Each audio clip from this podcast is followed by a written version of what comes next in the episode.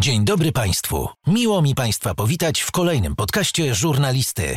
Zanim zacznie się rozmowa, chciałbym Państwa w imieniu gospodarza poprosić o wystawienie oceny i obserwację podcastu. Nie zajmie to Państwu więcej niż kilka sekund. Życzę dobrego odsłuchu. Dzień dobry Państwu. Rozmowy żurnalisty są przeznaczone dla osób pełnoletnich ze względu na występującą w nich treść. Pozdrawiam. Marta Wierzbicka. Żurnalista. Rozmowy bez kompromisów. Dzisiaj u mnie Bartek Zmarcik. Dzień dobry. Dzień dobry, witam. Udało się dzisiaj zjeść rosół? Nie. Może chociaż hot dog na stacji. Jeszcze nie. Ale nie mów, że przyjechałeś tutaj głodny.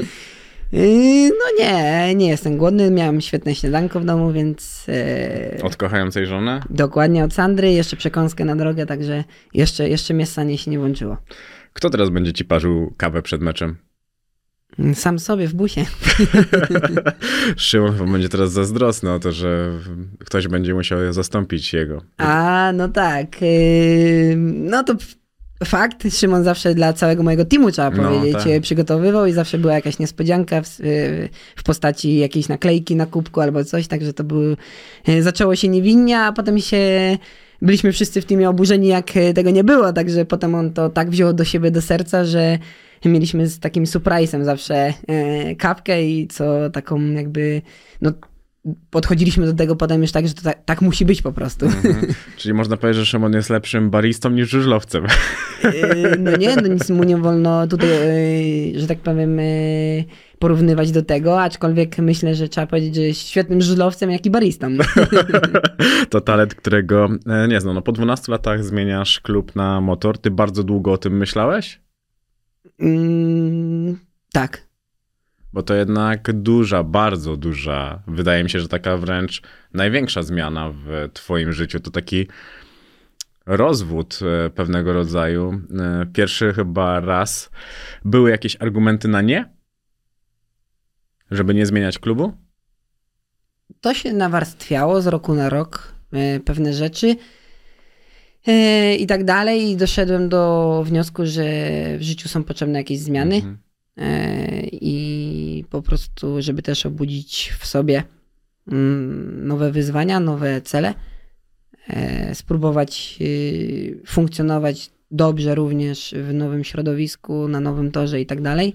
Więc to moje takie stricte wewnętrzne jakby potrzeby Mhm. do tego, by móc się e, rozwijać. Wielu tego nie rozumie, bo podważało te moje słowa, e, że, że gdzieś się chcesz rozwijać, e, jak już osiągnąłeś to czy tamto, ale Mm. wewnętrznie wiem, że mogę stać się lepszym zawodnikiem, a jakbym niczego nie poczynił, nie chciałem zastać momentu, w którym poczułbym, że zastopowałem, a już by było za późno, żeby wkroczyć z nowymi elementami.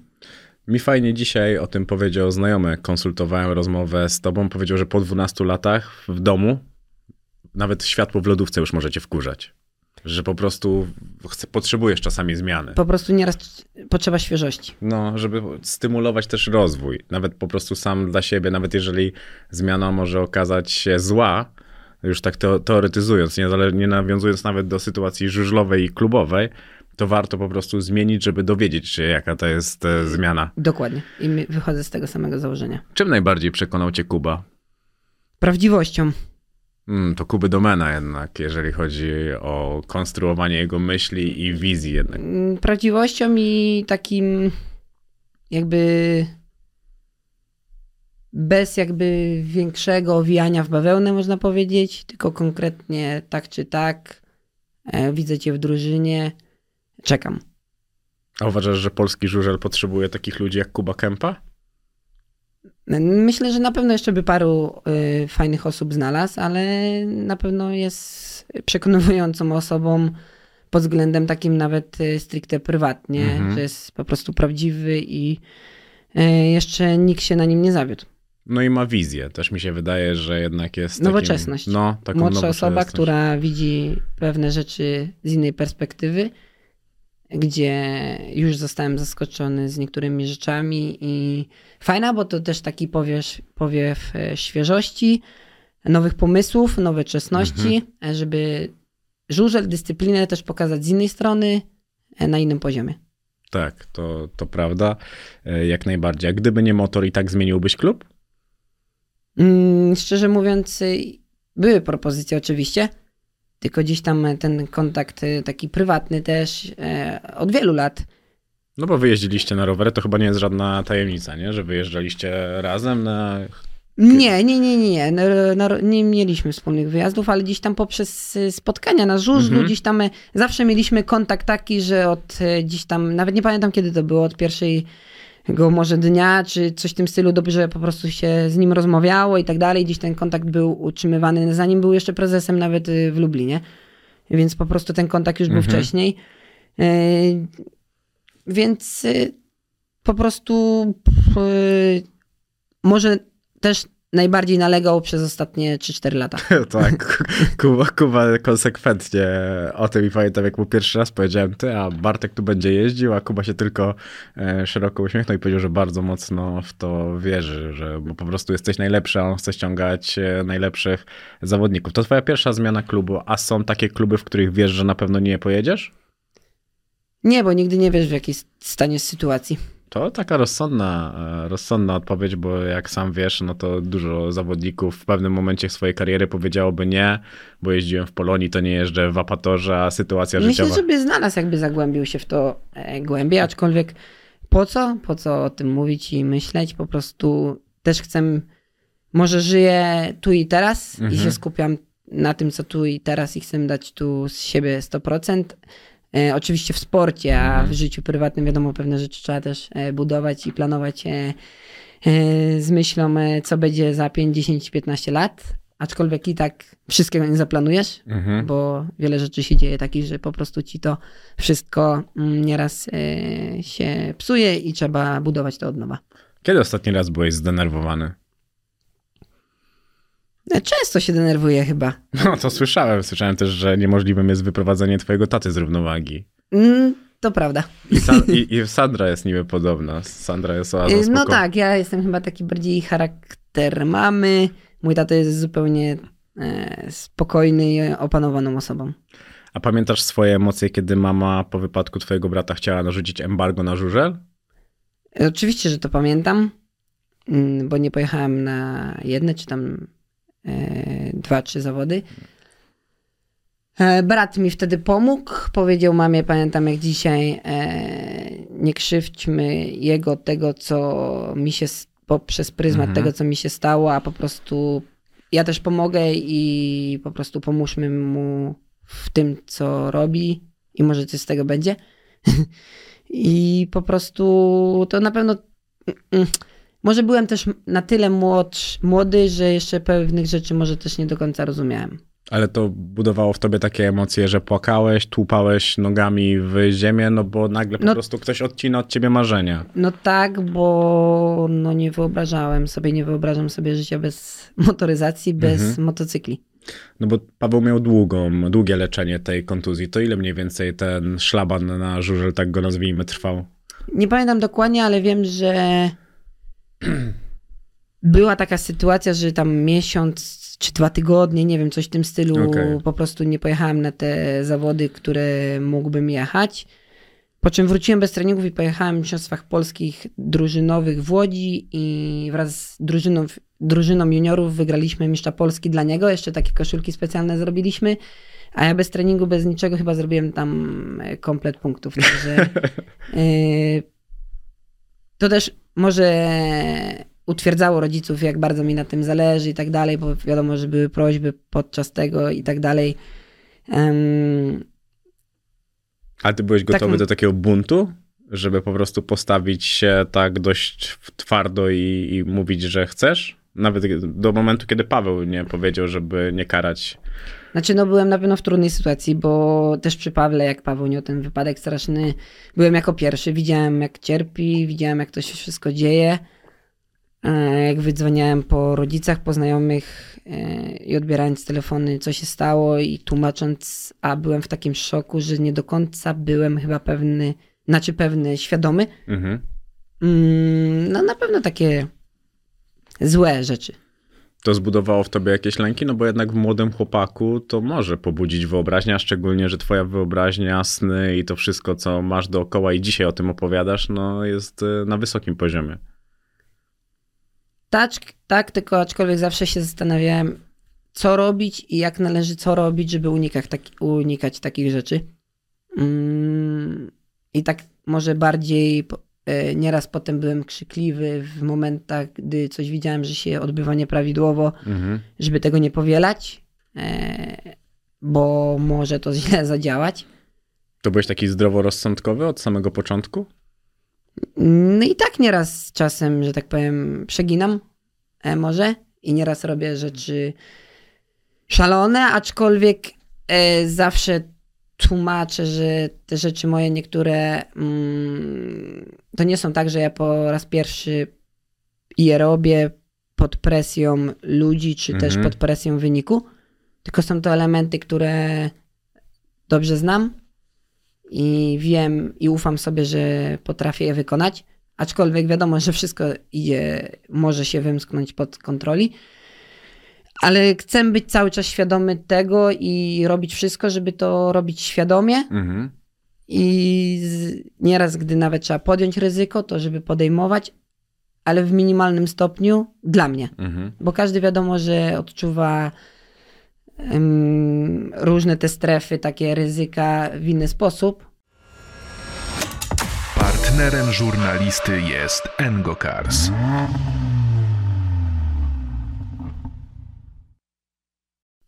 I po prostu każdy ma inną granicę, mam wrażenie. Mhm. I dla nikogoś może być to maksymalny próg, a dla ciebie może być to minimalny, co nie uważam czasem za, za słuszne też i za dobre. No ale no tak jest. No to jak ta słynna scena, kiedy jechałeś w Pradze i usiadłeś na tylne koło po prostu, żeby wyprzedzić Taja z tego, co... No bo czasem na treningach, jak już wszystko jest ułożone i do, dograne sprzętowo i tak dalej, to czasem po prostu lubię sobie pojeździć tako, po prostu. No bo ty to kochasz. że Żeby mówisz- spróbować, nie wiem, nawet ręką złapać za widelec, a nie za kierownicę, usiąść tam, gdzie się nie siada, żeby zobaczyć, jak to czuwa się na torze i tak dalej, więc te rzeczy były po prostu robione też dla fanu. Mm, A pamiętam ten wyścig doskonale, bo go lubię, e, że tak bardzo mi zależało na tym, żeby wygrać ten turniej. tam wcześniej nigdy nie Bo nigdy w Pradze mi nie, nie szło i tak dalej. Że muszę, goniąc Taja, wiedziałem, że muszę zrobić coś innego niż do tej pory. Bo jak będę jechał tak jak do tej pory, to, to przyjadę drugi. Twój brat jest od ciebie 5 lat starszy, jednak taka relacja braci głównie kojarzy się powiedzmy w ferworze bujek. A wy raczej chyba jesteście najlepszymi przyjaciółmi dla siebie. No w dniu dzisiejszym 100% tak. E, Za dziecka, no też, tylko wiadomo jak to się dorastało, to były bójki oczywiście, bo to w każdym domu tak jest. I się kłóciliśmy, masa o pewne rzeczy.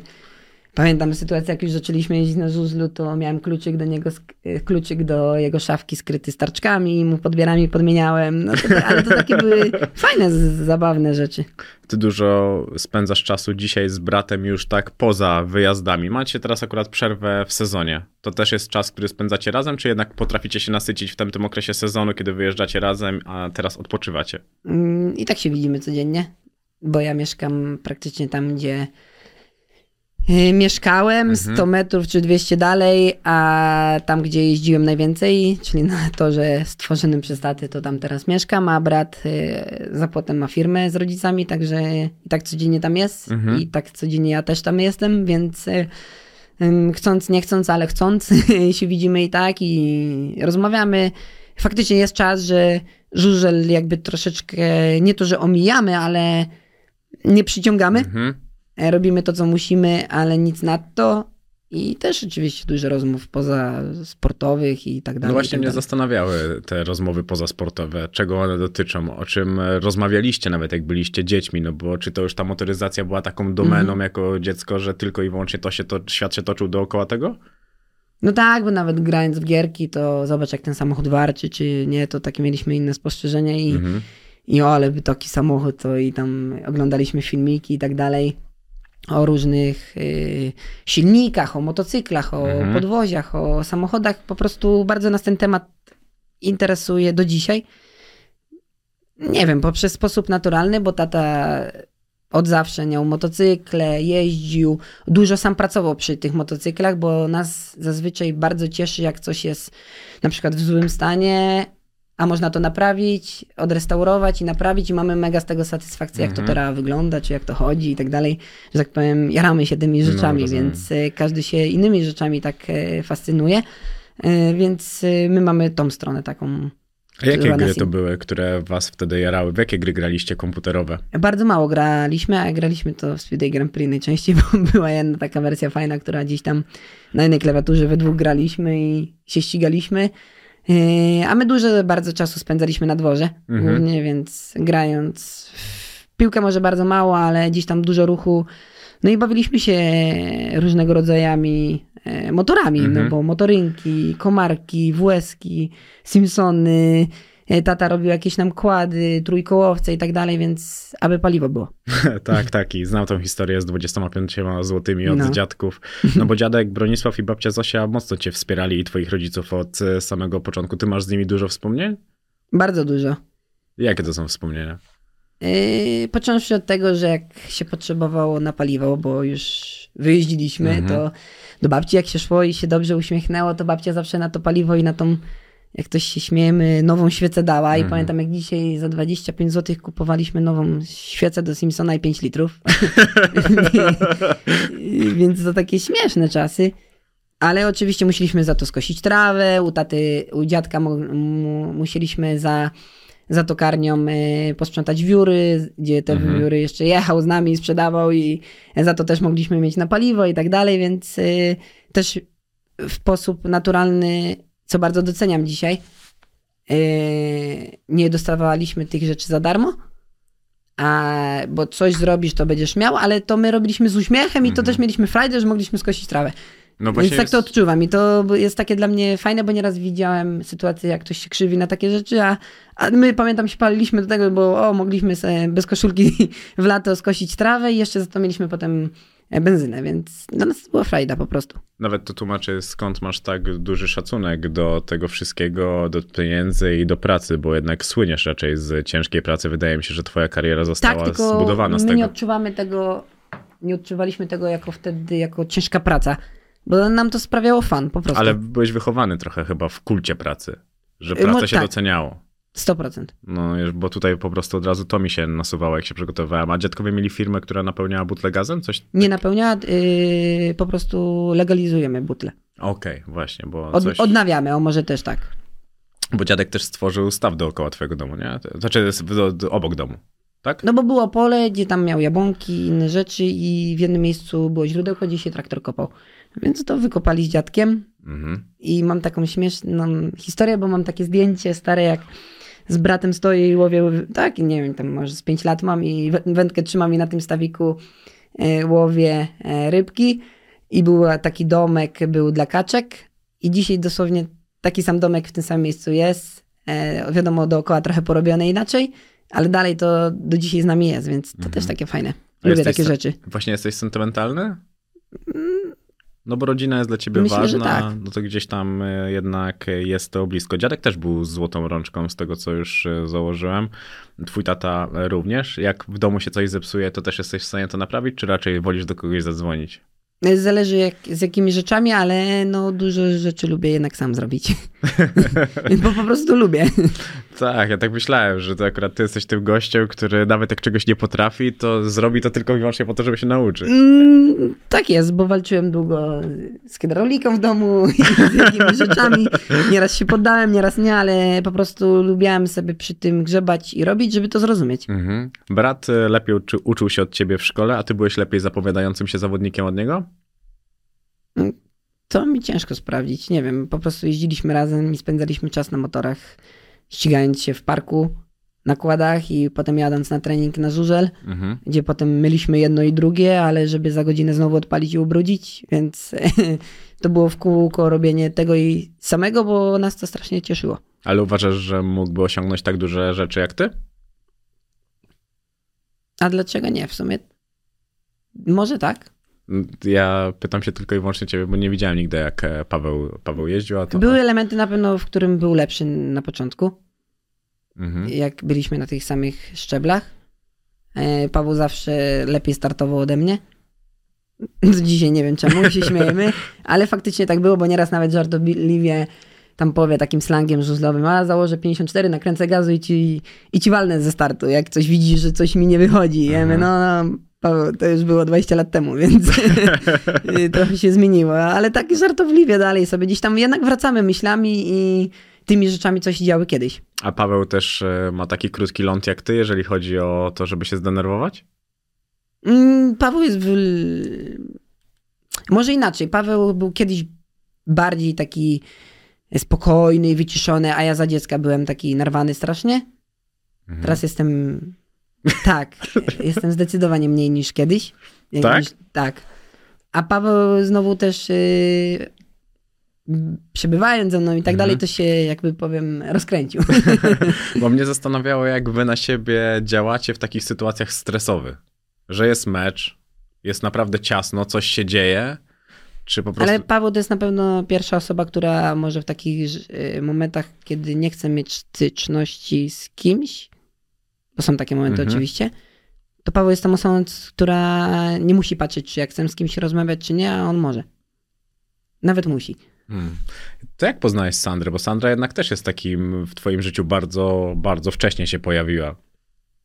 Mm, Na scenie. to było zabawne, bo moja Sandra tańczyła. Mm, Ja byłem e, w szkółce i, i w jednej z galerii e, prezentowałem nowe koszulki klubu. E, Jak schodziłem, to Sandra z zespołem wchodziła i tak wpadła w oko. I podszedłeś i poprosiłeś o numer telefonu?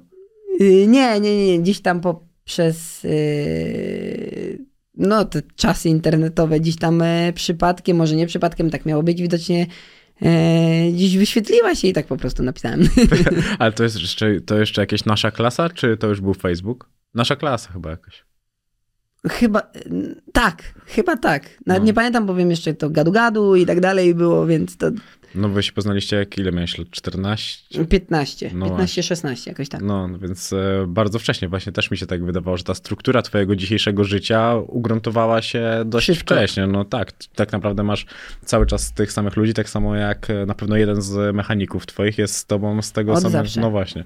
No to po prostu pokazuje, jak e, to wszystko. E, Jak to wszystko działa.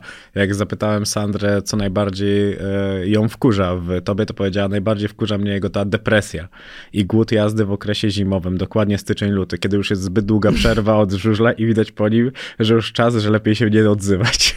No, bywają takie momenty, a to wszystko przez internet mi się wydaje, bo gdzieś tam lubię sobie obserwować, e, co się dzieje w Hiszpanii, we Włoszech, w takim centrum motosportu, gdzie już zawodnicy z innych dyscyplin i tak dalej testują, jeżdżą Mhm. przy słoneczku, a ty patrzysz za okno, jest śnieg i no, na motor nie idzie wsiąść i tak dalej. Więc yy, no trzęsie cię, bo też byś chciał się nawet, yy, nie wiem, pojeździć na motocrossie czy na innych Mhm. motocyklach, żeby też się rozwijać, bo bardzo lubię, yy, że tak powiem, trenować jakieś elementy i tak dalej, dla samego siebie po prostu, bo wiem, że nigdy nie będę na przykład motocrossowcem czy jakimś tam zawodnikiem wyścigowym, ale po prostu lubię ten sport i też bym chciał ten czas po prostu, gdzie nie mogę się zająć stricte żużlem, też yy, popróbować yy, czy potrenować sobie w innych dyscyplinach. Jedna z osób, która cię całkiem dobrze zna, powiedziała, że na mini żużlu byłeś chorobliwie ambitny i nie radziłeś sobie z tym, a teraz potrafisz nad tym zapanować. Zacznijmy od tego, czy się z tym zgadzasz.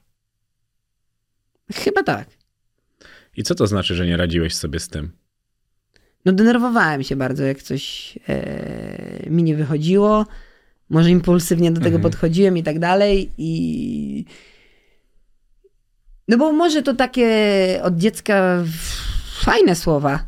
Od mamy, jak mi nieraz nie wychodziło, to mama mi zawsze powtarzała, że nie ma rzeczy niemożliwych, tylko musisz pracować nad tym Mhm. i się starać.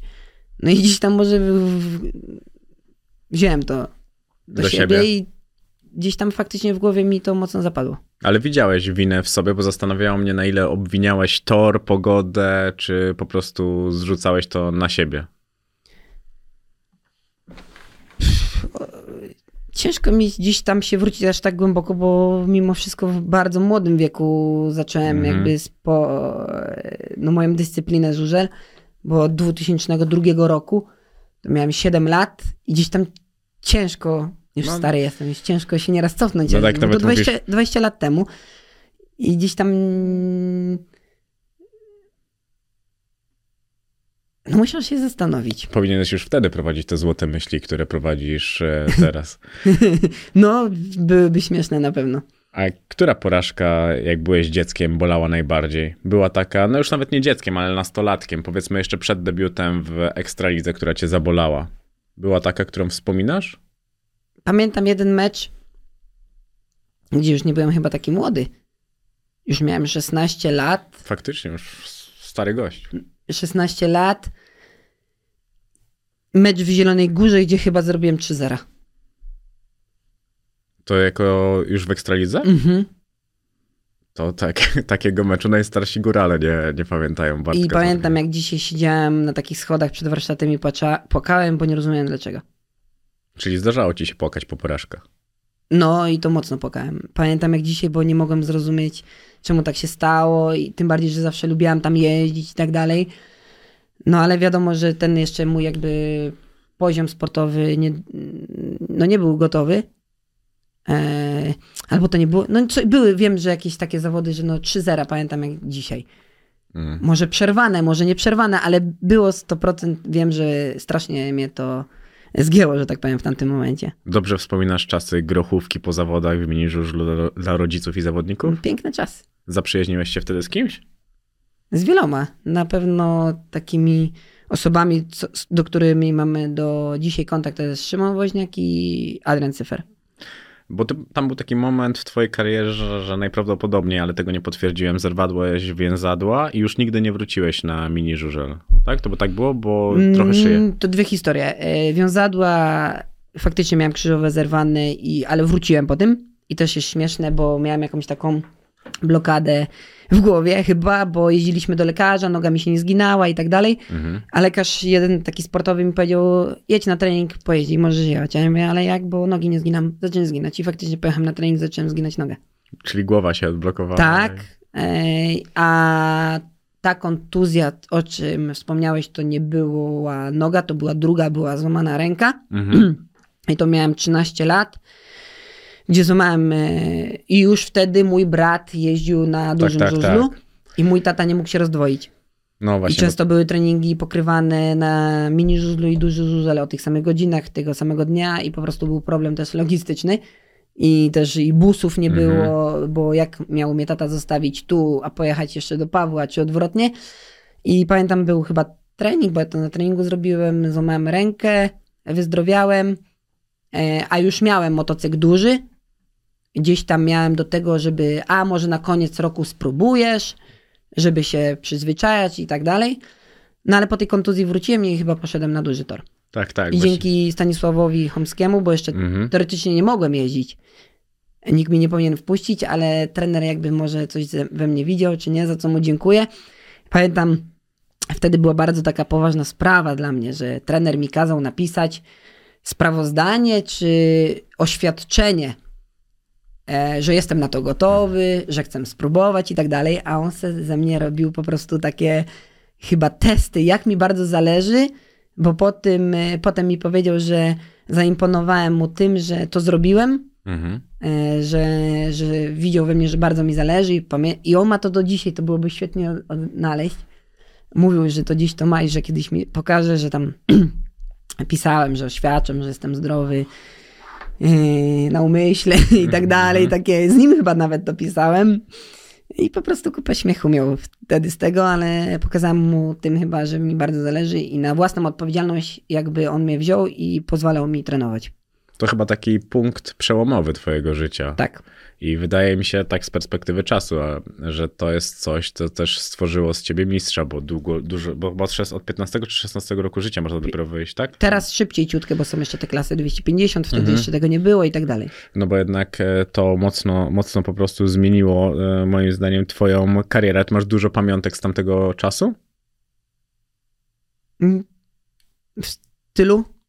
No nie wiem, nie mam, nie mam pojęcia, co, mo- co można mieć. Puchary, medale, dyplomy. Z mini żużla. Z mini żużla e, gdzieś tam tych dyplomów, pucharków, za udział nawet Za udział. e, i tak dalej są z dzieciństwa. To jest chyba najtrudniejsze pytanie, jakie dla ciebie mam. Czy żużel sprawiałby ci przyjemność, gdybyś był przeciętny? Nie wiem. Chyba nie, bo wiem, że nieraz pojadę mecz, który, że mówią osoby, że pojechałeś dobrze, a ja wewnętrznie czuję, że nie. I... Ale takie mecze mnie wzmacniają, bo strasznie długo potem siedzę nad tym, co poszło nie tak. Mhm. Dlaczego się tak stało, a nie inaczej. I dużo rzeczy bardzo analizuję, bo to lubię. A ty czułeś się kiedyś przez ten analityczny umysł i jakby poświęcenie dla tego sportu w jakikolwiek sposób wypalony, albo pomyślałeś Zmęczony. sobie, no właśnie, Nie raz. że nie chce ci się po prostu. Tak. I kiedy takie rzeczy się dzieją? Kiedy masz takie przesilenia? W październiku. Już pod koniec. pod koniec, ale to jest kluczowy moment. I też mnie uczy tego, że mimo, że ci się nie chce, to musisz to robić. I musisz robić to trzy razy bardziej skupiony niż do tej pory. A kiedyś nie miałeś takiej siły i po prostu to zawaliłeś? Mm, no myślę, że tak. Mnie zastanawiało, czy kiedyś zawaliłeś mecz na przykład przez to, że pokłóciłeś się z żoną, z kimś innym bliskim dla ciebie. Na ile po prostu wypracowałeś sobie to powiedzmy, że dzisiaj, że dzisiaj potrafisz się odciąć od świata zewnętrznego, no ale kiedy byłeś dzieckiem, no bo mając 16 lat debiutując, no to nie jesteś tak poukładanym gościem, jak jesteś dzisiaj. To mogło być zupełnie inaczej. By zdarzały się tobie takie rzeczy, że to, co się działo na zewnątrz, było ważniejsze od tego, co się dzieje dzisiaj na meczu? Nie wiem, bo w, na zewnątrz też był tylko żużel. No ale są też inni ludzie. Jeżeli się z kimś pokłócisz, nie wiesz, co się dzieje, no nawet No spotkała tak, się tak, ta tak, tragedia, że zmarł twój dziadek. Przecież teraz będzie chyba piąty, piąty rok, więc czasami po prostu człowiek jest tylko człowiekiem. E, no i żałuję pewnych rzeczy, że nie zrobiłem szybciej, żeby dziadek mógł to zobaczyć. Tak myślałem, e, przygotowując się do tej rozmowy, bo nawet napisałem do Sandry o to, czy dziadek widział twoje największe sukcesy i jak ona mi napisała, że nie, to pomyślałem sobie, że to musi piekielnie boleć, patrząc z perspektywy takiego mistrza jak ty i dziadka, który był dla ciebie bardzo ważną osobą. No ale pewnie zadedykowałeś mu zwycięstwo. Mm, tak, gdzieś to powiedziałam dokładnie. Była w twoim życiu taka krytyka, która cię zabolała? No, parę na pewno, ale gdzieś tam próbuję łapać do tego wszystkiego dystans. Ale wtedy, kiedy jeszcze nie potrafiłeś łapać do tego dystansu, to był ktoś taki, kto cię skrytykował, a i naprawdę poczułeś tą krytykę? Było, tylko gdzieś tam ja zawsze byłem taki, może nie wiem jak to nazwać, że a okej, Tak? Że, jakby może niektóre rzeczy do mnie nie docierały, bo jakąś taką barierę mam wewnętrzną, no ale to taka piekielnie komfortowa bariera. ale z, na pewno są inne rzeczy, które mnie dotykają mnie denerwują. Aczkolwiek zawsze pracu, pracuję do, na dzisiaj sam z sobą, żeby po prostu e, być niezależny pod jakimś względem, żeby robić to, co uważam za słuszne w dniu dzisiejszym i tak dalej, żeby po prostu wszyscy moi bliscy dookoła mieli dobrze i żebyśmy byli codziennie uśmiechnięci i zdrowi, bo to jest najważniejsze. A takie rzeczy z zewnątrz, że ktoś ci powie, to odbieram, że okej, może mieć jakiś argument i tak dalej, ale on nie wie, jaki jest od środka. To niech tego nie ocenia. Wiem też, że kiedyś było pikantnie na linii ty i Piotr Pawlicki. Teraz podobne emocje wiążą cię z Madsenem. Takie relacje cię napędzają do lepszego ścigania? Większość tych wszystkich takich konfliktów napędzają ludzi dookoła. Mm, Tak się spodziewałem, ale zastanawiało mnie po prostu, czy to i tak nie jest taka większa motywacja do tego po prostu, że chcę z nim wygrać. Wywierają na pewno większą presję. No właśnie, bo nie chcesz przegrać, a szczególnie kiedy czujesz się lepszy od takich Ale zawodników. jest to dla ciebie niezrozumiałe, bo niektóre rzeczy y, mówią czy opisują poprzez swoje wymysły. Mm, Ale mówisz teraz już o dziennikarzach, czy o... E... O, ogólnie o środowiska z zewnątrz, że, bo nieraz sam się dowiaduję, nieraz ty, a co tam było, to i to, bo było tak oto opisane. Ja mówię, ale o czym ty do mnie mówisz, bo ja nawet tego nie zauważyłem, coś w tym stylu. No nie, nie, ale czekaj, ale o, o Piotrze i o Madsenie możemy uznać, że tak O było. Macenie? No ja słyszałem, że nikt go nie lubi. A ja nie mogę powiedzieć, że go nie lubię. Po prostu jest to mój rywal na torze, Mhm. a myślę, że jako człowieka każdego trzeba szanować. Ja, przecież Bartek, ja bym cię nawet nie, nie oskarżył o to, że ty możesz kogoś nie szanować jako człowieka przez tej decyzji. Ale no coś, Fajnym, sympatycznym e, gościem. Ale i, i dlatego też podchodzę do tego tak na zawodach czy na e, w sporcie, że po prostu chcesz wygrać z każdym, Mhm. bez względu kto to jest. A kiedyś byłeś arogancki przez zwycięstwa? Nie wiem. Tak w swojej skali, no bo jeżeli nie wiesz, to najprawdopodobniej nie, bo też mnie zastanawiało to, no bo kiedy taki młody chłopak zaczyna szybko wygrywać, ta twoja pozycja też tak, ona zawsze była taka, że zawsze byłeś talentem, zawsze mówiło się o tym, że ten Bartek to będzie jednak kozak, że to jest nieprzypadkowy gość, że zobaczycie, nawet w dokumencie, kiedy ty debiutowałeś e, w lidze, tam już trenerzy mówią, że zobaczycie, że to będzie mistrz świata, no to myślę, że zdajesz sobie sprawę, że jednak... Ale nie... niektóre lu- rzeczy e, wpierają ci właśnie te osoby z zewnątrz. Że na przykład, nie wiem, e, dajmy za przykład, że na przykład tu, że tu jestem, to ktoś może to nazwać i tak jest, e, że o, on się wywyższa, on jest arogancki, bo tam poszedł. No przestań. No. Ale coś w tym stylu jest i dużo takich rzeczy gdzieś tam e, jest zauważalnych. Bartek, ale ty... I ja sam potem nie wiem, Mhm. czy to zrobiłem, że dobrze, że coś zrobiłem, czy niedobrze, że czegoś Mhm. nie zrobiłem, czy nie zrobiłem i tak dalej. To jest chyba ten analityczny umysł, który podchodzi do spraw żużlowych i jak widać poza żużlowych i po prostu lubisz anal- analizować, co? Trochę tak. Próbowałeś pracować z psychologiem, ale to podsumowałeś to tak, że jesteś zbyt zamknięty i nie potrafisz porozmawiać z kimś obcym, jak z żoną, mamą czy tatą. A co skłoniło cię do tego, żeby spróbować takiej relacji z psychologiem sportowym? No bo bardzo dużo o tym się mówi. E, Byłem e, dużo młodszy i gdzieś tam to był sposób naturalny, że gdzieś tam pojawiła się taka okazja, to coś na zasadzie spróbowania. I to był jakiś e, zaprzyjaźniony e, psycholog? Jak, jak to mniej więcej wyglądało? To chodziłeś gdzieś, I dzwoniłeś? zaprzyjaźniony i nie. E, Czyli próbować kilku, tak? tak. I na, na jakby... I każdy jest inny. No, no tak, właśnie też mnie to zastanawiało właśnie, czy próbowałeś, no bo to jest faktycznie coś takiego, o czym się bardzo dużo mówi, a ten twój procesor przynajmniej z zewnątrz, właśnie tylko z zewnątrz, bo tak jak powiedziałeś, ta wersja od wewnątrz Tak. jest najbardziej istotna, to u ciebie wydaje się, że właśnie wszystko pracuje tak y, idealnie, ta maszyna jest Nie ma rzeczy idealnych, ale No to co chciałbyś poprawić, jeżeli nie ma rzeczy idealnych? dowiedzieć się, jak bardziej radzić sobie z presją, ze stresem e, i tak dalej, i tak dalej. Tylko jak słyszałem potem rzeczy, które w sposób naturalnie robiłem i to były te same rzeczy, Mhm. to niczego nowego w szybkim czasie się nie dowiedziałem. Może to nie chodzi o szybki czas. Na pewno, na pewno, nie mówię, że nie, Mhm. bo na pewno to yy, jest to bardzo ważny aspekt w sporcie. Ale na dzień dzisiejszy po prostu, nie mówię nie, bo może za Mhm. rok, dwa, trzy powiem, że potrzebuję yy, takie coś robić, ale na dzień dzisiejszy nie. To tak jak trochę z tą zmianą klubu. Znaczy Czasami- nie mówię, że też, że nie, bo gdzieś tam rozmawiam dużo z ludźmi i tak dalej, dowiaduję się róż, na różnego rodzaju te, e, tematy, takie e, rzeczy, ale na dzień dzisiejszy, no gdzieś tam też czasowo chyba e, tyle siedzę w warsztacie, e, na treningach i w domu, że gdzieś tam kolejna rzecz do zrealizowania jest czasem trudna dla mnie. Ja chciałbym zobaczyć ogólnie taką e, rozmowę, jakbyś taki, wiesz, taki mózg takiego Bartka, który jest tak mocno sfokusowany na Prost. czymś.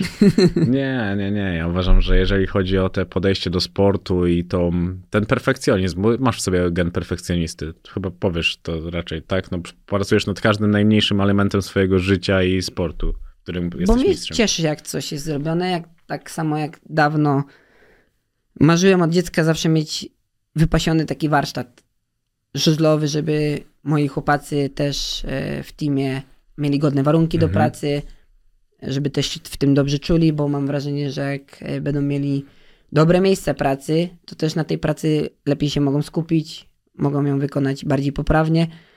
E, I jak zaczynasz układanie tego to wszystkiego i potem zauważasz, jak to fajnie pracuje, to po prostu stoisz, patrzysz na to i płakać ci się chce, że, że to zrobiłeś teraz, Mhm. że to masz, możesz w tym funkcjonować, a kiedyś tylko o tym marzyłeś.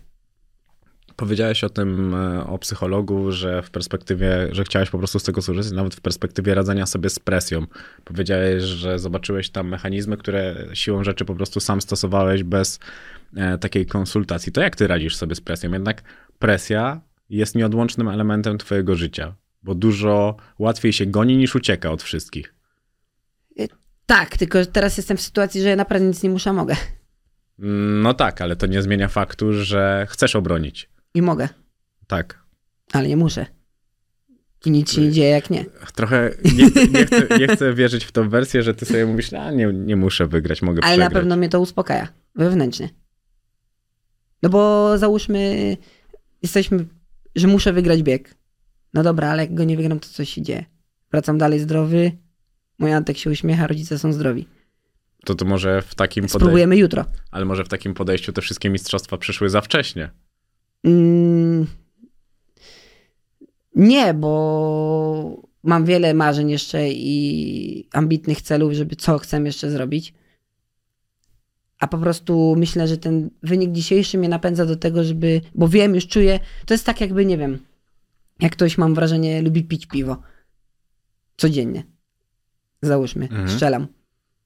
No to tak jak chcę doświadczać tego uczucia yy, spełnienia i wygrywania. O. To jest tak jak, myślę, jak narkotyk, że po, po prostu potrzebujesz tej adrenaliny. Albo teraz na przykład y, ostatnio w domu mówiłem mojej żonie o tym, że brakuje mi tego takiego stresu y, startowego. Bo wiem, że pod wpływem tego stresu się tak trochę wyłączam, jestem jakby w swoim świecie, dużo rzeczy nie- jakby, nie wiem, słyszę, ale nie dociera do mnie. Jestem taki zupełnie inny Bartek niż teraz. Czyli są dwa tryby, sezonowy i posezonowy. Mm, może bardziej życiowy i sportowy. I bym tak to oddzielił, bo oczywiście w sezonie też trzeba nabrać e, chwilę wytchnienia, e, złapać do tego wszystkiego dystans w pewnym momencie, nawet jak idzie dobrze, a nawet jak idzie źle. Ale lubisz po prostu. No, lubię ten taki stres Mhm. e, meczowy, gdzie jak jestem już w tym stresie, to mówisz, uch, dobrze by było być już po tym wszystkim. Ale jak odpoczniesz teraz, bo już od października się nie ścigamy w tym roku i czekam, dopiero jestem przed nadchodzącym sezonem, to, to brakuje ci tego bardzo. To jest takie no trochę głupie może, ale Takie trochę łaskotanie, nie? Że, że, że jakby z jednej strony jakieś... wiesz, że to nie jest y, uczucie, za którym jakby tęsknisz, ale tęsknisz. Coś w tym stylu, że to nie jest twoje ulubione uczucie, Mhm. ale jakby brakuje ci tego, jak w chwilę tego nie masz.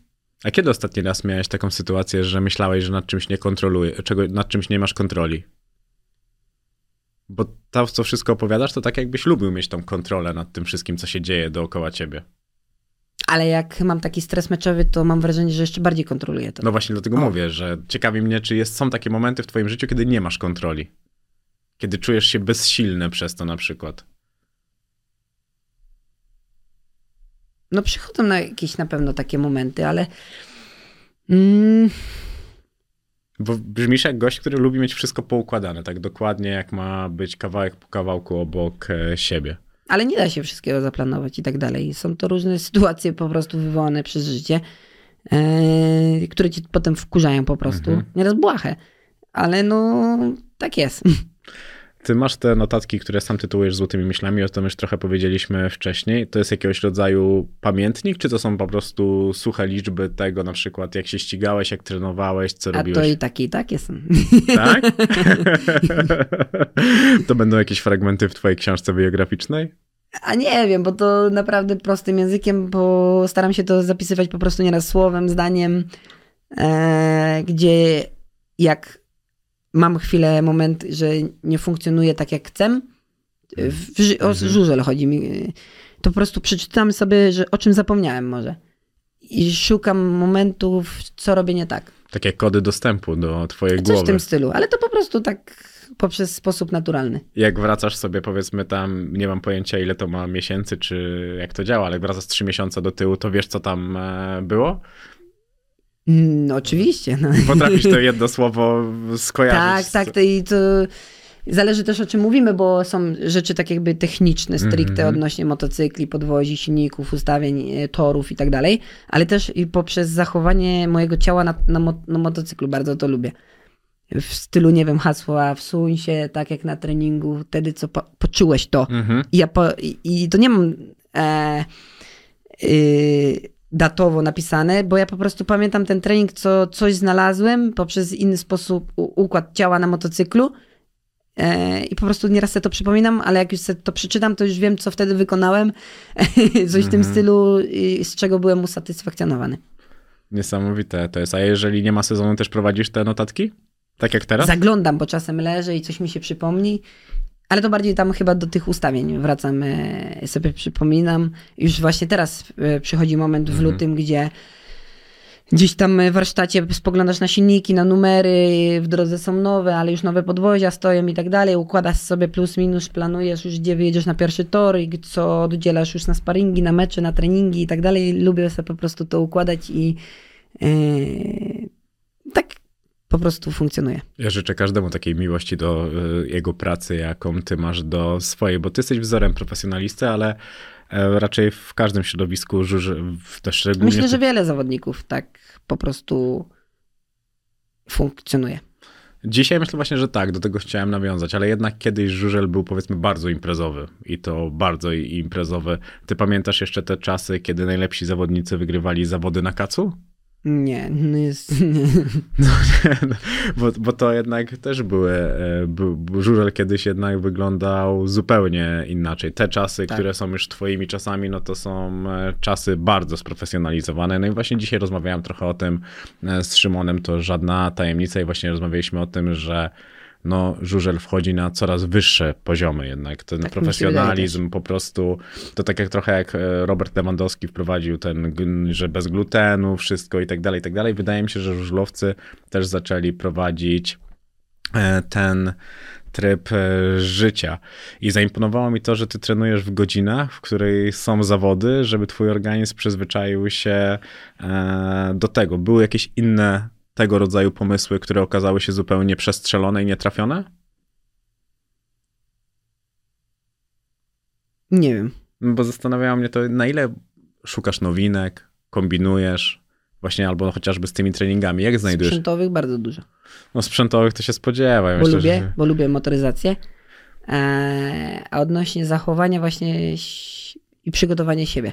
Po prostu jak wiem, że nie wykonałem należy, należnie ilość czy godzin treningów przed pierwszym startem, Mhm. to wiem, że powoduje to we mnie stres, zaniepokojenie i tak dalej. A jeżeli sobie coś ustalę i uważam to za słuszne, że załóżmy tyle i tyle godzin, czy tyle i tyle motogodzin na czymś coś zrobię i wyjeżdżę, to się czuję pewny w tego dnia, co chcę być najpewniejszy.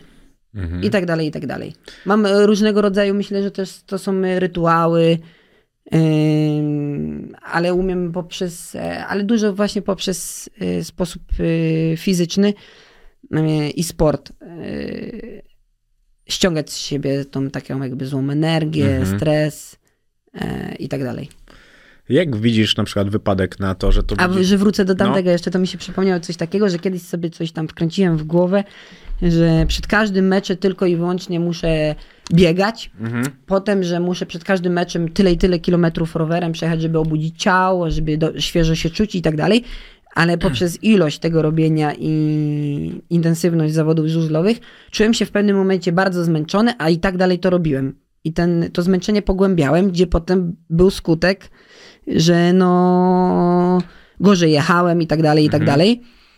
No i mówisz, i sam sobie zadawałeś pytanie, Bartosz, no ale no po co to robisz, jeżeli się czujesz potem mniej komfortowo?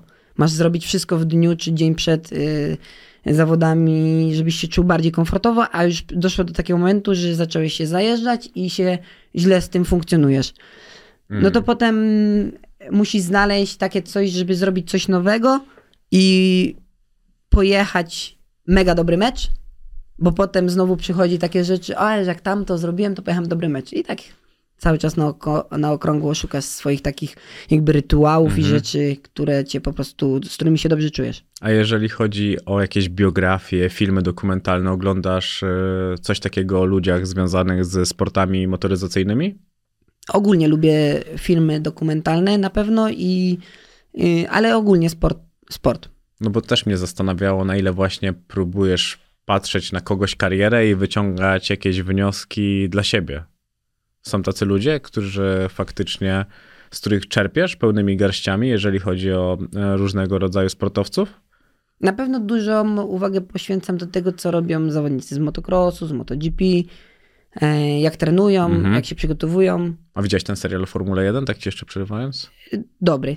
No, tak. Bardzo Ale dobry. też bardzo mnie inspiruje osoba Roberta Kubicy, Roberta Lewandowskiego, e, Jordana i tak dalej, i tak Mhm. dalej. Mam tam paru w motocrossie, jak Ken Rochen, Mark Marquez, Valentino Rossi, Antonio Caroli i tak dalej. I po prostu lubię obserwować te osoby.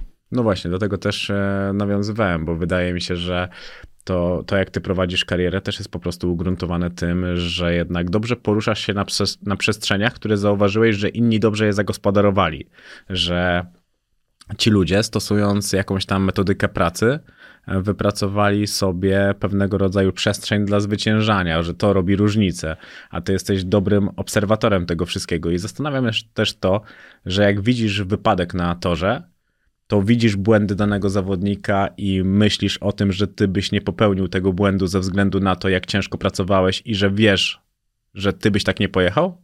Tego nie wiesz nigdy, No wydaje bo się, wyjeżdżasz na tor, jesteś inny.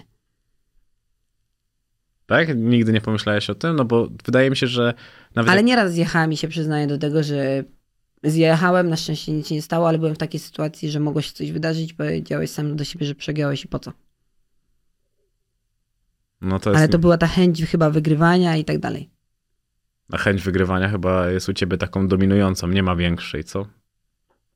No, bo fajnie jest, nie? Jak się wygrywa i wychodzę z założenia, że po to inwestujesz finanse, ogrom czasy, poświęcasz e, rodzinę, wszystko tylko dlatego, żebyś się spełniał w tym sporcie.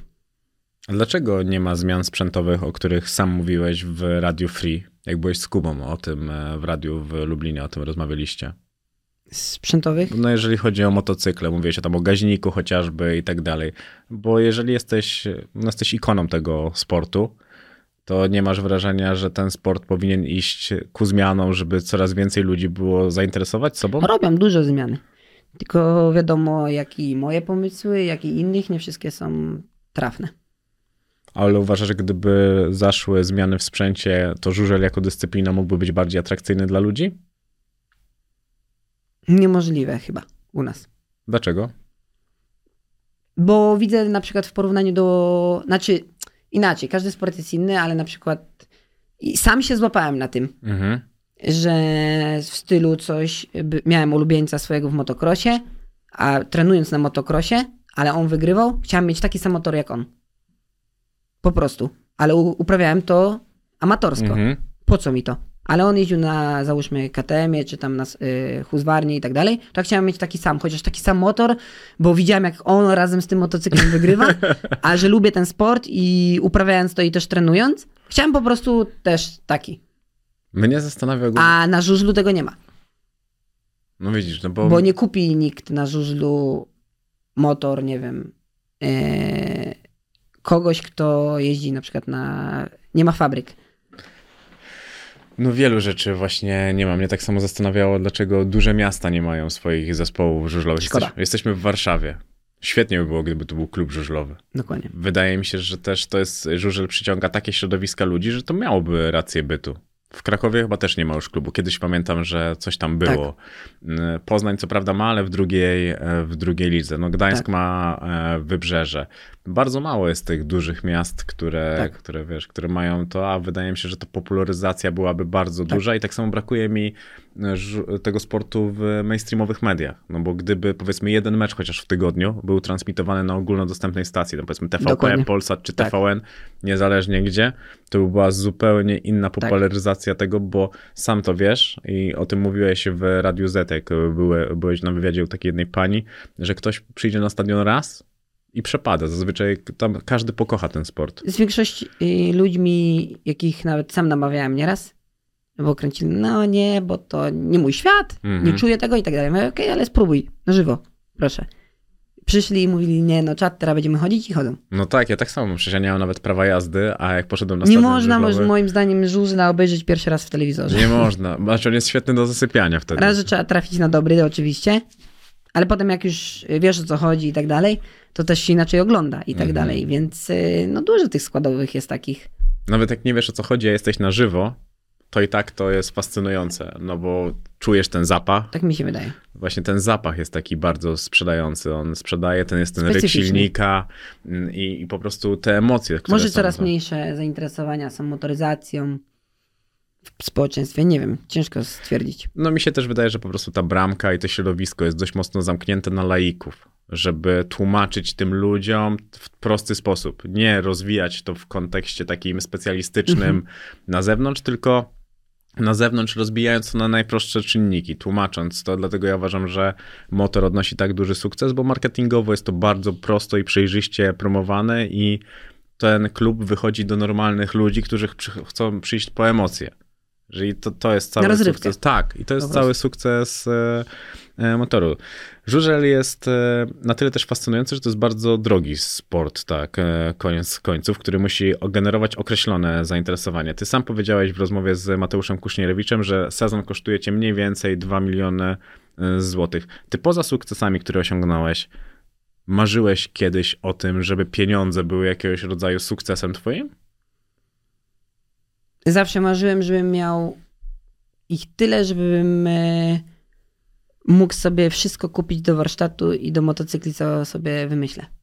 A był taki sezon, w którym, jak wkroczyłeś, wkroczyłeś już do Ekstraligi, do którego musiałeś dołożyć? Tak. Który to był sezon?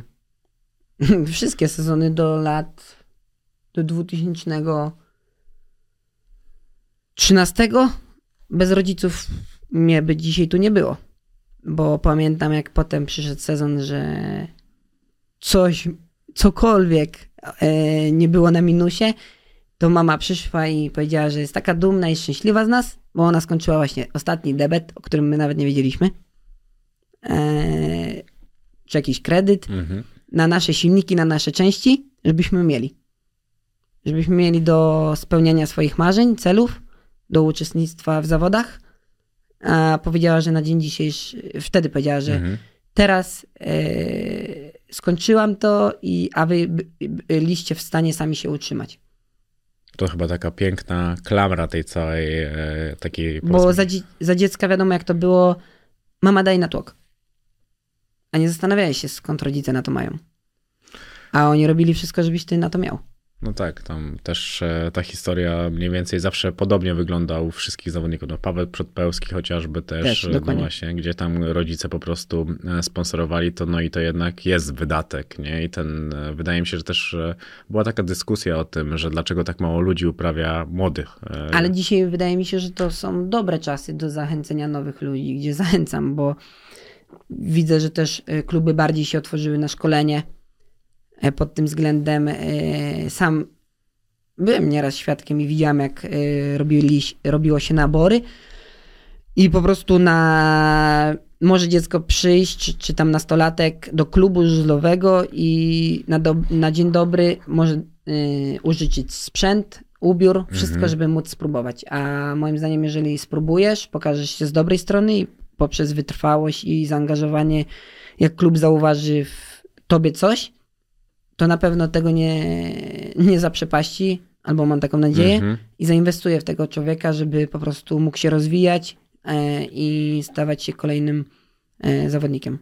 Postawiliśmy całkiem ładny pomnik twoim rodzicom, jak zainwestowali w twoją karierę do tak naprawdę sprzed 10 lat, kiedy pierwszy raz to wyszło na plus. A pamiętasz pierwszą firmę, która w ciebie uwierzyła?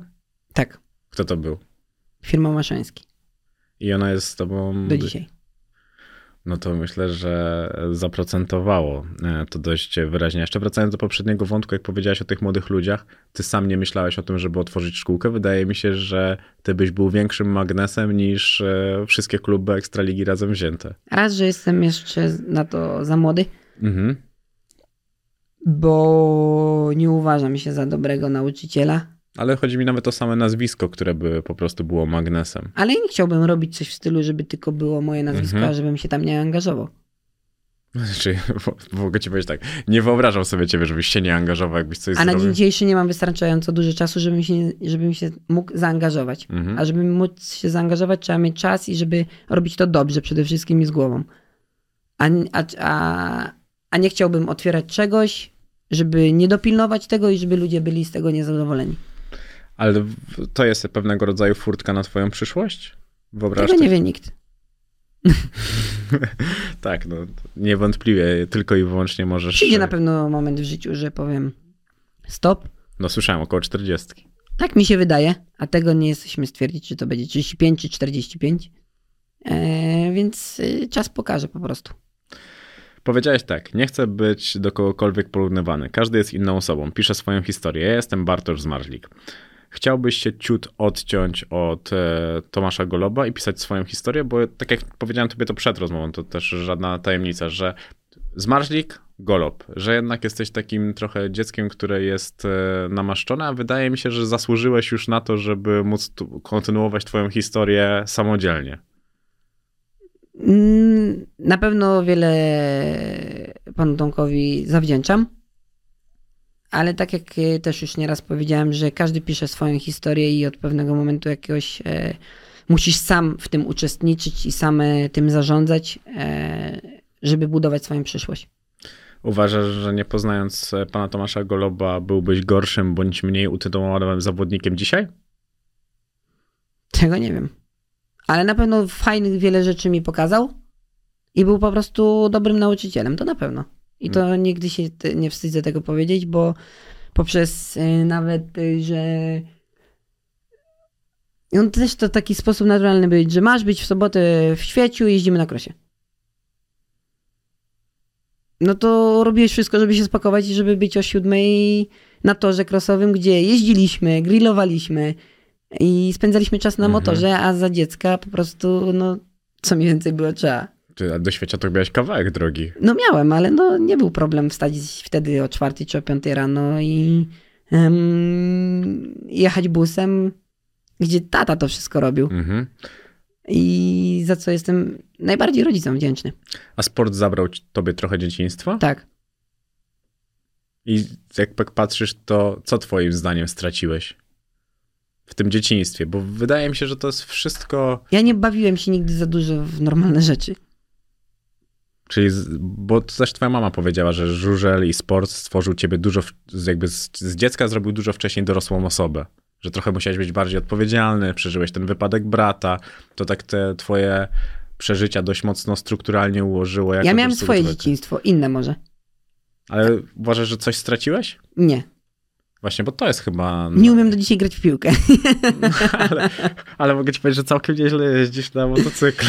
No bo spędzałem więcej na tym na pewno czasu. No właśnie, no to po prostu wybrałeś priorytety i to, kontynuowałeś w to, w co byłeś e, dobry. Ja zastanawiałem się po prostu, czy kiedykolwiek pomyślałeś o tym, że jesteś nieszczęśliwy, Nie. bo musiałeś za dużo trenować, za dużo Nie. ćwiczyć. Nie, to bo mnie, to mi daje szczęście. No ale wiesz, czasami dziecko się buntuje, stawia, nie chce czegoś robić, nawet jak jest najlepsze. Przecież wiesz, jak dużo jest zmarnowanych talentów.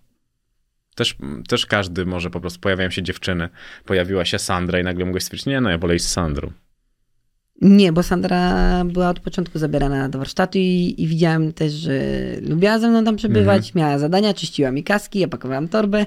Też tak spędzaliśmy czas. Romantyk. Znaczy- Ja by się pytałem Sandry, ja Sandra, o czym wy rozmawiacie? A Sandra mówi, słuchaj, ja już tyle się nasłuchałem o tym żużlu, że ja nawet już całkiem nieźle to rozumiem. Mm, No bo nieraz sposób na, no i jak y, nieraz słyszę, jak rozmawiam o silnikach i tak dalej, to nam zadaje pytania, o co ci chodziło tam jakimś tam, wiadomo, slangiem żużlowym. No to tam tłumaczysz, a ja też lubię tłumaczyć w sensie i jak widzę, że jest zainteresowana, to fajne jest. No, wydaje mi się, że to też chyba najpiękniejsze w związku, że cały Się czas... rozumiemy. Tak, rozumiecie i gracie do jednej bramki, bo nawet jak do niej napisałem, to było coś takiego, że ona miała takie, taką... W tych, w tych wiadomościach było, żeby, ty, żeby tobie to nie zaszkodziło w żadnym Mhm. stopniu, chociaż jakkolwiek pisałem, pytałem się, co, co ją wkurza i wiesz, Mhm. takie, z takich rzeczy śmieszne, to bardzo mi się podobała narracja Sandry, żeby to było takie delikatne i wyważone Mhm. i ja wiem, jak kontaktowałem się z Szymonem, to było widać po prostu po Szymonie, że on też chce tak, że ludzie dookoła ciebie są po prostu życzliwi. To, to spędzasz dużo czasu z przyjaciółmi, dbasz o te relacje? Myślę, że tak, bo mam y, znajomych, którzy, bo takimi się może Mhm. otoczyłem też, czy takich też przyciągłem, czy ja dołączyłem, e, którzy są, y, bardzo lubią sport, motoryzację i razem mamy z tego frajdę po prostu. A jest ktoś spoza żużla w twoim życiu? No tak, oczywiście. No, koledzy z kolarstwa, ale ogólnie też ze sportu. No tak, to, to akurat o to ciebie, bo jednak ten sport jest twoim kręgosłupem. E, To takie raczej ciężko sobie wyobrazić ciebie e, bez e, sportu. Polska Liga w całym środowisku żużlowym jest tak trochę jak NBA, bo tak to porównał. Wyobrażasz sobie, że jakiś klub, polski klub, zostałby przejęty przez biznesmenów z innego kraju? Tak pofantazjujmy. Ja zastanawiam się po prostu, gdzie są możliwości rozwoju tej dyscypliny, bo wydaje mi się, że motosport, jako motosport ogólnie, Formuła 1 i tak dalej, i tak dalej, to cała... Inne kraje, Tak, no. żeby były zainteresowane. Tak, ja po prostu gdzieś zastanawia mnie to, dlaczego... To ten- zadanie chyba jest dla organizatorów Mistrzostw Świata. Też mi się tak wydaje, że to Żeby- jest sport ładny do spieniężenia. żeby pokazać światu e, w innych krajach motosportowych, mam tu na myśli, Mhm. e, i też może poza, żeby zarazić inne nacje tą dyscypliną. No tak, wyobraź sobie żużlowca z, Hisz- z Hiszpanii, Świetna sprawa. żużlowca z Włoch, to by były naprawdę ciekawe rzeczy. No tak, bo tam dla mnie to jest takie centrum, bo nawet będąc na gali Mistrzostw Świata, gdzie przyjeżdżają wszyscy mistrzowie świata e, motocyk, e, motocyklowych, czyli Mhm. od triali, motocrossy, enduro i tak dalej, i tak dalej, mnóstwo tych dyscyplin. I jak są na przykład wymieniani, to jest takie fajne, mistrz świata na 85. 10-latek wychodzi. No i patrzysz Włoch. 125 pojemność, większa, Mhm. wyższa No, klasa. Włoch. Albo Hiszpan. I naokoło właśnie te dwa e, kraje, potem już się zaczyna to wszystko mieszać. To w świecie, żużel w tym świecie jest traktowany trochę po macoszemu? Oni rozumieją to, dlaczego w Polsce na przykład jest tak popularny? Dziwią się, znaczy robią oczy. O, może tak. Że wow, ale u was ten żużel, ale to w Polsce. I to słychać nieraz. No właśnie, ale to też mnie tak zastanawiało, czy on jest, bo w Polsce na pewno jest bardzo dobra infrastruktura, Tak. ale jeżeli chodzi o samych zawodników, no to nie powiedziałbym, że my jesteśmy aż takim gigantem, że aż tak bardzo dominujemy. Jesteśmy mocni, to prawda, ale no zobacz, masz masę różnych narodowości Tak. I gdzie ludzie, tylko po prostu oni nie mają tej infrastruktury, nie? że gdyby nie Polska Liga, jakbyśmy wycięli Polską Ligę, to żużel, ja nawet nie mam pojęcia, do jakiego sportu mielibyśmy go porównać. No, To, prawda. to, to jest taki polski sport, to tak trochę jakbyśmy wymyślili sport. Mamy wiadomo ligę szwedzką, angielską No tak, i no tak ale- dalej, da- ale zupełnie inny poziom. No ja pamiętam, oglądałem Grand Prix jakieś e, w jakimś kraju i tam ludzie na górkach się, siedzieli. Tak. Że to nie jest jednak tak Pikniki jak... robią. No tak. ale tak. to też fajny klimat ma z No, jednej strony. Ogólnie tak, to prawda, tylko chodzi mi już o ten profesjonalizm, Tak. nie? Te poważne pieniądze, Stadionów no brakuje właśnie. i tak dalej. Dlatego zastanawiało mnie, że gdyby... Bo załóżmy jedziemy, były lata, gdzie jechaliśmy na Grand Prix Anglii w Cardiff, Mhm. ten stadion, jak w Warszawie. Może dlatego też, że był stadion do tego przystosowany i tak dalej, i tak dalej. Jedziemy, załóżmy do Teterow, do czy- Niemiec e, i na właśnie na tych wałach mnóstwo ludzi. A nieraz jedziemy na przykład do, nie wiem, do Sztokholmu, piękny stadion, wszystko jest super, pusto. To jest ciężko nieraz zrozumiałe. No może też marketing, nie? Dlatego ja uważam, że żużel Tak. ma bardzo słaby marketing. Bardzo. Że, I też e, zobacz, no temperatura, wyobrażasz sobie w tym kewlarze. Ja oglądałem nawet ten e, taki film, gdzie ty pokazujesz ile jest warstw, że Mhm. lajkra, te ochraniacze i wyobrażasz sobie na przykład, że trenujesz w Hiszpanii przy tej pogodzie. Ale myślę, że to jest wszystko też uzależnione od yy, terminarza. Bo Hmm. można by było moim zdaniem też przedłużyć sezon i przyspieszyć. Albo wyobraź sobie, że w Polsce się kończy sezon, a na przykład w Hiszpanii się zaczyna. Na przykład. O, Bartek byłby szczęśliwy. Aż się oczy, oczy Na pewno trzeba by było się do tego przystosować i inaczej przygotować, aczkolwiek no dałoby radę to rozciągnąć troszeczkę i moim zdaniem też jest minus taki, że jest, mamy za krótki sezon, Mhm. bo przez zimę wszyscy zapominają. Tak, trochę Bo tak. nie mówi się o tym, mieli się jedno i to samo, ludzie są tym zmęczeni, nie oglądają tego, nie czytają, nie, nie dowiadują.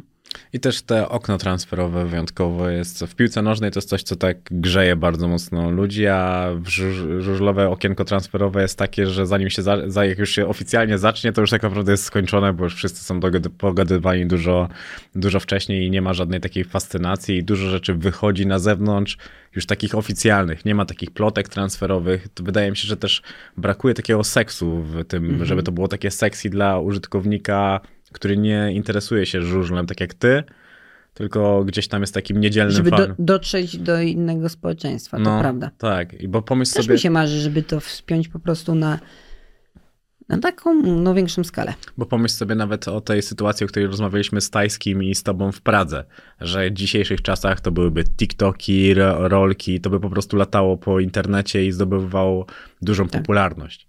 A gdzieś ten marketing żużlowy, Nie dobrze to ograł. no tak, bardzo, bardzo dużo e, traci i to jest dla mnie taka zagadka. Jak mam takiego przedstawiciela jak e, ty, to chciałem po prostu zobaczyć, czy ty też masz taką Tak. optykę na to, bo jednak wydaje mi się, że spopularyzowanie tego Nie, no nieraz mam odczucie, że nieraz coś widzę fajnego, co można by było, załóżmy, rzucić w, sz- Mhm. w sieć i tego nie jest robione, a jest zrobione zupełnie coś innego, które nawet no, mnie nie interesuje.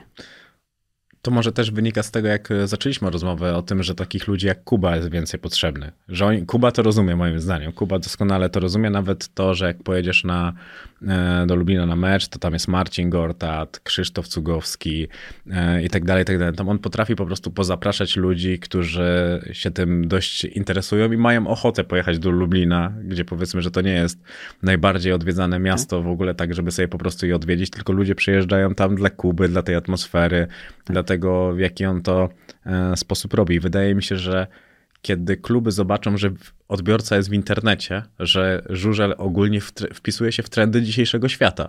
Bo jeżeli bieg trwa 60 sekund, Jest dynamiczny, stosunkowo mecz jest niedługi, czyli Dokładnie. fajna rozrywka teoretycznie, nie? no nie, no zobacz, nawet i to jest tak się wpisuje, że okej, nawet masz nudny bieg, ale zaraz, zaraz masz dru- drugi. Właśnie, zaraz masz drugi, w którym mogą być mijanki, może cały czas się coś dziać. No a druga sprawa... Fajna oprawa i tak dalej. No, tak, są kibice. Jest Wydaje to... się proste, nie? No, wydaje się to proste, a z drugiej strony kibice są naprawdę fajni. Ja uwielbiam e, żużlowych Tak. e, kibiców. No i masz to, co ludzi grzeje też bardzo mocno, czyli są jakieś wypadki, kolizje, e, są też Wyścigi jakieś... dobre i tak No, dalej, więc że- każdy ma swojego fana i to potem dzieli też y, stadiony, ale przez to są więcej No rozmów i tak dalej, więc to wszystko by się może napędzać. Mhm. Ty wyobrażasz sobie kiedyś na Dakarze, który właśnie nomen omen jest bardzo dobrze opakowany medialnie? Mm, Ja wiem, nie wiem, chyba nie No, no. wiem, bo dziś tam byłem dwa razy na pustyni Mhm. z moim, Maćkie, z moim kolegą Maćkiem Giemzą, który jedzie Dakar. E, strasznie trudna dyscyplina. I ciekawe, czy potrafiłbym się zaadaptować. I w jakim czasie. No chyba akurat wyzwania to jest coś, co... I to kręci na no pewno. Właśnie. Tylko po prostu na pewno nie szło tego połączyć, że No zimą nie, jechać nie. tak, ale to byłoby też fajne. Kiedyś tak myślałam, ale to na razie jest nie do zrobienia, ale załóżmy ten grudzień, styczeń pojechać Dakar, bo ten Dakar ile trwa na dobrą sprawę? Od pierwszego do czter- 14 dni. Mhm. Gdzieś dwa tygodnie. I to byłoby fajnie, żeby coś robić i będąc z motocyklem też. Miałem fajną rozmowę z Kubą Przygońskim o, o tym, jak on na motocyklu początkowo Tak. przymierzał e, Dakar, no ale Kuba miał poważną kontuzję z e, kręgosłupem i powiedział, że jak e, później wsiadł do samochodu już na Dakarze, powiedział w ogóle, że jak nigdy w życiu nic łatwiejszego nie robił, bo ten poziom trudności na motocyklu jest tak piekielnie trudny, że potem kiedy wchodzisz, to jest zamknięta klatka i tak dalej, i tak dalej. Na pewno czujesz się bezpieczniej. Bardzo lubię samochody, ale kręci mnie bardzo motocykl. Czyli też. byś wszedł w tą... Nie wiem. Nie wiem, którą bym, po- w którą chciał. Kurde. Może wybiorę którąś, nie wiem, bo nie chcę mi się tak zamykać, ale no pomysłów jest dużo, czasu No jeszcze mało. może, być, jeszcze może byś wrócił do tej, e, do tej dziecięcej zajawki i byś na kładzie pojechał. No, czemu nie, dokładnie. Ja uważam, Do że dzisiaj kłada używam i lubię, więc e, nie, nie, ciężko mi sobie wyobrazić twój garaż. Bo musi być naprawdę, e, naprawdę, naprawdę... lubię te zabawki. Po prostu lubię motocykle, triale, enduro, szosowe motocykle, wyścigowe, crossowe, kłady. A masz ten symulator Formuły wszystko. 1? Nie. Ta, tam bym cię jeszcze widział. To mogłoby być ciekawe. Tak, tylko jakby ostatnio stwierdziłem, znaczy nie ostatnio, jakiś czas temu już, że nie lubię wirtualnych takich rzeczy. Czyli jak Formuła 1, to tylko po prostu w Abu Dhabi na torze. No, to, to w ogóle spełnienie marzeń jakichś, ale to tam raczej nieosiągalne. A pomyślałeś sobie, już kończąc powoli naszą rozmowę, pomyślałeś sobie kiedyś, że wybrałeś zły sport? że właśnie mogłeś iść w sporty motoryzacji, ale w coś innego? Nie. O, to taka miłość chyba od pierwszego spojrzenia. I z tym e, zostawmy naszych słuchaczy. Bardzo i to bardzo ci, Bartek, dziękuję. Świetnie Dziękuję było ci bardzo. poznać.